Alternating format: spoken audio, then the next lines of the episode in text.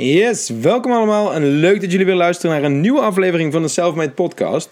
Vandaag wil ik het met jullie even over de realiteit gaan hebben.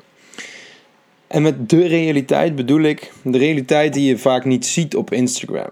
Uh, en ook niet altijd bij mij. Misschien heb je het al gemerkt, uh, maar ik ben de laatste tijd iets minder actief geweest op Instagram. Omdat ik, ik heb best veel struggles gehad. En ik weet niet hoe ik het moet noemen, maar mijn lichaam heeft een beetje toe moeten geven aan overwerken of aan het verlangen naar dopamine. En op Instagram zie je vaak alleen maar de, de, de bright side. En achter de schermen gebeurt er een hoop wat op Instagram niet wordt getoond, maar wat helemaal niet zo bright side is. En um, ik wil jullie dus mijn kant daarvan laten zien. Dus de realiteit achter mijn Instagram, als het ware. Um, omdat veel van jullie ook uh, willen ondernemen of al ondernemen en dat misschien, daar misschien ook uiteindelijk tegenaan gaan lopen. Of al misschien momenteel tegenaan lopen en daar zeker iets van kunnen leren. Um, nou, ik heb twee jaar lang alleen maar aangestaan, zoals ik het noem. Ik heb een routine gehad. Um, zes uur opstaan, koude douche, mediteren, lezen, werken, sporten, werken, eten, werken, slapen en opnieuw maandag tot en met vrijdag. En dan zaterdag en zondag, dan vaak s'avonds de plannen afzeggen omdat je wilde werken. En dan zei je, oh, ik ga zondag lekker rustig aan doen. En dan zat je helemaal op de bank en dacht je, ah, weet je, ik pak mijn laptop er wel bij, ik ga wel even werken. En op een gegeven moment vergt dat gewoon zijn tol. En wat vergt dan zijn tol? Dat is zo moeilijk te zeggen wat het dan precies is wat je, wat je voelt of wat je lichaam voelt. En ik denk dat het bij mij het verlang naar dopamine is. Ik krijg zoveel dopamine van werken en van productief zijn dat ik dit continu wil doen.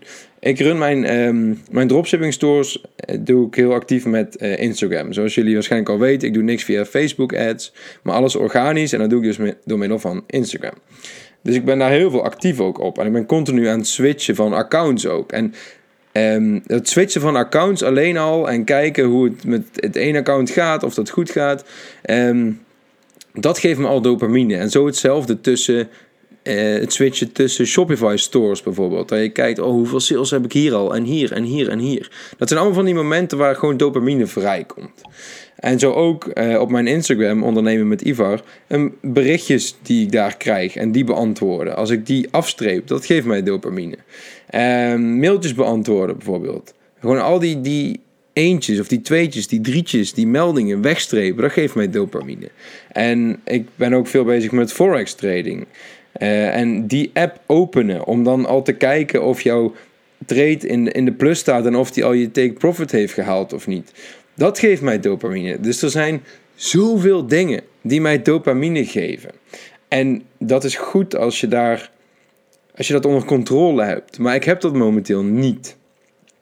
Ik heb gewoon te veel het verlangen naar dopamine. En als ik zo'n um, dat dopamine effect heb gehad, dus door bijvoorbeeld een app te openen en ik sluit die app af, dan komt die wil na 30 seconden weer terug dat ik die app wil openen.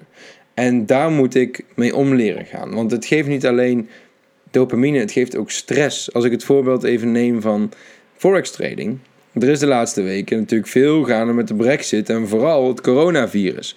Dus die koersen die zijn ook al flink gekelderd. Nou kan dat met forex trading juist ook gunstig uitpakken. Eh, omdat je allebei de kanten winst op kan maken. Maar ja, omdat de markten zo agressief zijn, ga ik extra veel op die app kijken. En geeft me dat alleen maar meer stress. Dus controleren van dopamine, dat is echt iets wat je moet kunnen beheersen. Anders ga je er gewoon aan onderdoor. En ik merk dat dat bij mij nou een beetje het geval is, omdat ik dus continu op zoek ben naar dat dopamine-effect. Zelfs als ik s'nachts even wakker word, of als ik in de gym sta, heb ik continu dat gevoel van: ik wil even kijken hoe het met wat dan ook is. Of het nou mijn Instagram of Forex is, of mijn dropshipping store. Ik heb nooit rust in mijn hoofd en ik kan dat werk ook gewoon niet uit mijn hoofd zetten. Dus het is, het is eigenlijk gewoon een beetje een verslaving die nou de overhand heeft genomen. En ik moet hier gewoon bewuster mee omgaan en bewuster rust gaan pakken. Dus nou, dan wil ik jullie ook wat tips mee geven, want ik wil niet alleen um, de realiteit Eh, want dat is het nou eenmaal aan jullie laten horen. Maar ik wil jullie ook wat tips meegeven. Van, misschien zijn er wel mensen die dit ook hebben. Of die dit straks gaan krijgen. Maar als je dan dit al hebt gehoord. Dat op het punt dat je het merkt dat je het een beetje gaat krijgen. Dat je dan al hebt gehoord van... hey, ik heb die podcast van Ivar geluisterd. Ik merk dat ik dit nu, nu krijg. En ik weet ook wel wat ik ermee moet doen. Uh, ik ben hier verder geen expert in, dus ik zeg niet dat dit het allerbeste is wat, wat werkt. Maar dit zijn voor mij een beetje de dingen die ik toe ga passen, zodat ik um, hier bewuster mee om kan gaan. Nou, heel simpel al meer uitbesteden van mijn dropshipping stores. Dus wat ik nog doe op Instagram. Ik deed dat, mijn Instagram zelf runnen, omdat ik het oprecht heel leuk vind om te doen. Maar ja, als je er zelf aan onderdoor gaat, is het gewoon verstandig om te zeggen, nou, ik ga dat uitbesteden. Um, daarnaast voor de berichtjes wat ik zei, van berichtjes beantwoorden op ondernemen met Ivar. Of mijn, uh, ik heb ook nog alle coachingstudenten die ik dagelijks spreek, die iets van me willen natuurlijk, begrijpelijk. Daar ga ik voortaan gewoon een vaste tijd voor inplannen. Waarvan ik zeg, oké, ik noem maar eventjes wat. Hè, van smiddags 3 tot 4 beantwoord ik alles. In plaats van heel de dag door even kijken. Om 10 uur, oh, moet ik nog iets beantwoorden. En om 11 uur moet ik nog iets beantwoorden. En zo heel de dag door. Um, en het voorbeeld wat ik gaf over Forex, ik, ga, ik hoef helemaal niet te kijken. Want je plaatst een trade bij Forex en je zet een take profit eh, of een stop loss. Als dat punt is bereikt, dan is die bereikt. Daar hoef je zelf niks aan te doen. Dus ik hoef helemaal niet te kijken. Maar ik kijk continu. En dat is puur dat verlangen naar dopamine. Dus ik ga daar bewuster mee om. Van oké, Ivar, je plaatst deze trade nou. En je laat deze gewoon lekker liggen. Want je hoeft er niet naar te kijken. Dus gewoon de telefoon ook weg. Eh, ik heb dat heel goed gedaan altijd met werken in werkblokken. Dus vier werkblokken van anderhalf uur, kwartiertje of half uurtje pauze tussendoor en zo. Uh, maar ja, ik heb dat de laatste tijd een beetje laten, laten liggen, die structuur. Dus die ga ik weer oppakken. Echt het werken in werkblokken. Ik heb daar ook ooit al eerder een podcast over gemaakt. Dus als je, die, als je het interessant vindt om te weten hoe ik uh, werk in werkblokken, hoe ik dus mijn dag structureer. en als ik nou even heel realistisch ben, hoe ik mijn dag structureerde. Um, dan moet je eventjes terugscrollen. Het was een van de eerste afleveringen. Ik zal, hem ook eventjes hier in de beschrijving zetten. Um, nou, volgende tip. Um, ik ga voortaan gewoon naar de gym zonder telefoon of in mijn kluisje leggen. Dat ik niet een oefening sta te doen en dat ik in mijn drie minuten rust op mijn telefoon ga kijken. Nee, telefoon weg en gewoon focussen op waar je mee bezig bent. En hetzelfde, hetzelfde wat ik in de gym dus had, had ik ook s'nachts, of heb ik ook s'nachts. Als ik wakker word, wil ik gewoon op mijn telefoon kijken. En dus ik ben zo verslaafd aan die telefoon en aan het dopamine-effect wat vrijkomt.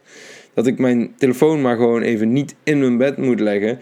Uh, zodat ik, als ik dat wil doen, mijn bed uit moet om mijn telefoon te pakken. En wat ik dus niet wil doen. Um, en ook mijn pauzes weer nuttiger uh, gaan besteden. En ook wat bewuster gaan nemen. Ik heb vaak dat ik dacht, oh ik ben lekker aan het werk. Ik ga toch gewoon even lekker door. Ik neem geen pauze. Of als ik dan pauze had, dan zat ik even een eitje te eten. En dan zat ik tussendoor nog berichtjes te beantwoorden. Terwijl het eigenlijk mijn pauze was. En dan denk ik van ja, ik zit er nou toch. Laat ik gewoon eventjes gaan werken. Nee, pauze is gewoon vrij van werk. Dan ga ik een rondje lopen. Of even, even lezen. Of gewoon even rustgevende muziek luisteren, dat soort dingen. Daar wordt je hoofd ook gewoon veel rustiger van. Uh, en over de muziek, uh, ik ga ook minder naar muziek luisteren. Omdat ik, ik ben altijd tijdens het werk ook wel muziek aan het luisteren. En uh, nou, ten eerste wil ik tijdens werk gewoon wat meer rustgevende muziek gaan luisteren. Dus zo'n Brain FM bijvoorbeeld, of gewoon focus muziek. In plaats van, ik zeg maar even wat top 40. En, maar ook, ik merk vaak als ik op de fiets zit of als ik rondje loop, altijd muziek in. En de ene luistert de podcast, de andere luistert muziek, allemaal goed. Maar ik wil minder, op dat soort momenten minder muziek gaan luisteren, omdat ik gewoon bewuster om wil gaan met de rust van de omgeving ook. Als ik lekker een kwartiertje rondje ga lopen, ik neem geen telefoon mee, ik doe geen muziek in. Ik geniet gewoon van de rust die ik dat kwartiertje even heb. En ik denk dat me dat ook heel goed gaat doen. En ik wil eigenlijk één dag per week, en dan denk ik de zondag, gewoon helemaal niet werken. Geen enige vorm van werk. Dus ook niet als ik op de bank lig dat ik zeg: Oh, ik pak wel eventjes mijn laptop om weet ik veel wat te doen. Nee, geen ene vorm van werk. één dag in de week. En daarnaast, ik ga over twee maanden naar Bali voor een half jaar. En ik denk dat me dat ook heel goed gaat doen om wat meer rust te nemen, wat meer routine weer op te pakken en weer even echt aan mezelf te werken. Ik denk dat me dat ook wel heel goed gaat doen. Dus ga hier met dit allemaal ook gewoon heel bewust mee om, jijzelf. Ik zeg niet dat je minder hard moet gaan werken, helemaal niet. Maar ik zeg dat je tijdig naar je lichaam moet luisteren. Als jij denkt dat je rust nodig hebt, pak je rust. Als jij denkt dat je eerder moet gaan slapen, ga eerder slapen. Dat soort dingen. Als jij denkt dat je ook te veel afleiding hebt tijdens de gym, laat je telefoon in het kluisje of thuis. Dus neem de tips die ik net mee heb gegeven mee. En pas deze gewoon toe als jij denkt dat deze voor jezelf ook gaan helpen. En wat heel erg helpt is het uh, erover hebben met mensen. Mensen die jou ook begrijpen. Al je vader, moeder, vriend, vriendin, zus, broer, maakt niet uit. Als jij merkt dat jij een beetje zit te struggelen met, oh, ik eh, heb op veel stress, of inderdaad ook dat verlangen naar dopamine, of wat het ook is, heb het erover met mensen. In plaats van het allemaal zelf op proberen te lossen. En heb je die mensen niet, stuur mij gerust een berichtje en ik help je graag. Je kan mij altijd een bericht sturen op Instagram. Uh, mijn Instagram is ondernemen met Ivar. Um, nou, ik hoop dat deze podcast wel wat inzicht voor jullie heeft gegeven van oeh, dit is toch inderdaad ook wel de realiteit achter Instagram. Je ziet zoveel voorbij komen en allemaal positieve dingen en dure auto's en hoge winstmarges en noem het allemaal maar op. Maar wat er allemaal achter de schermen gebeurt en in mensen hun hoofd gebeurt, wordt vaak niet uh, besproken. En dit is echt wat er in mijn hoofd momenteel omgaat. En dit is nog niet heel lang. Ik heb hier pas echt uh, twee, drie weekjes last van. Maar ik wil dit met jullie delen, omdat het iets is wat voor mij nou heel belangrijk is en waar ik echt aan moet gaan werken. Um, en ik ben er nog gelukkig op tijd bij. Ik heb nog geen burn-out of iets. En ik wil ook voorkomen dat jullie dat niet gaan krijgen. Dus um, merk je dat jij deze verschijnselen ook een beetje hebt? Stuur mij gerust een berichtje of heb het er met mensen over. En uh, ja, zorg voor je eigen lichaam. Dit was hem voor vandaag. Ik hoop dat jullie er wat aan hebben gehad. Of misschien dat jij denkt, hey, een vriend of vriendin van mij heeft er wat aan. Stuur hem dan gerust eventjes door. Uh, vond je hem interessant? Laat ook even gewoon een review achter. Dat zou me heel erg helpen. Ik wil jullie bedanken voor het luisteren en graag tot de volgende keer.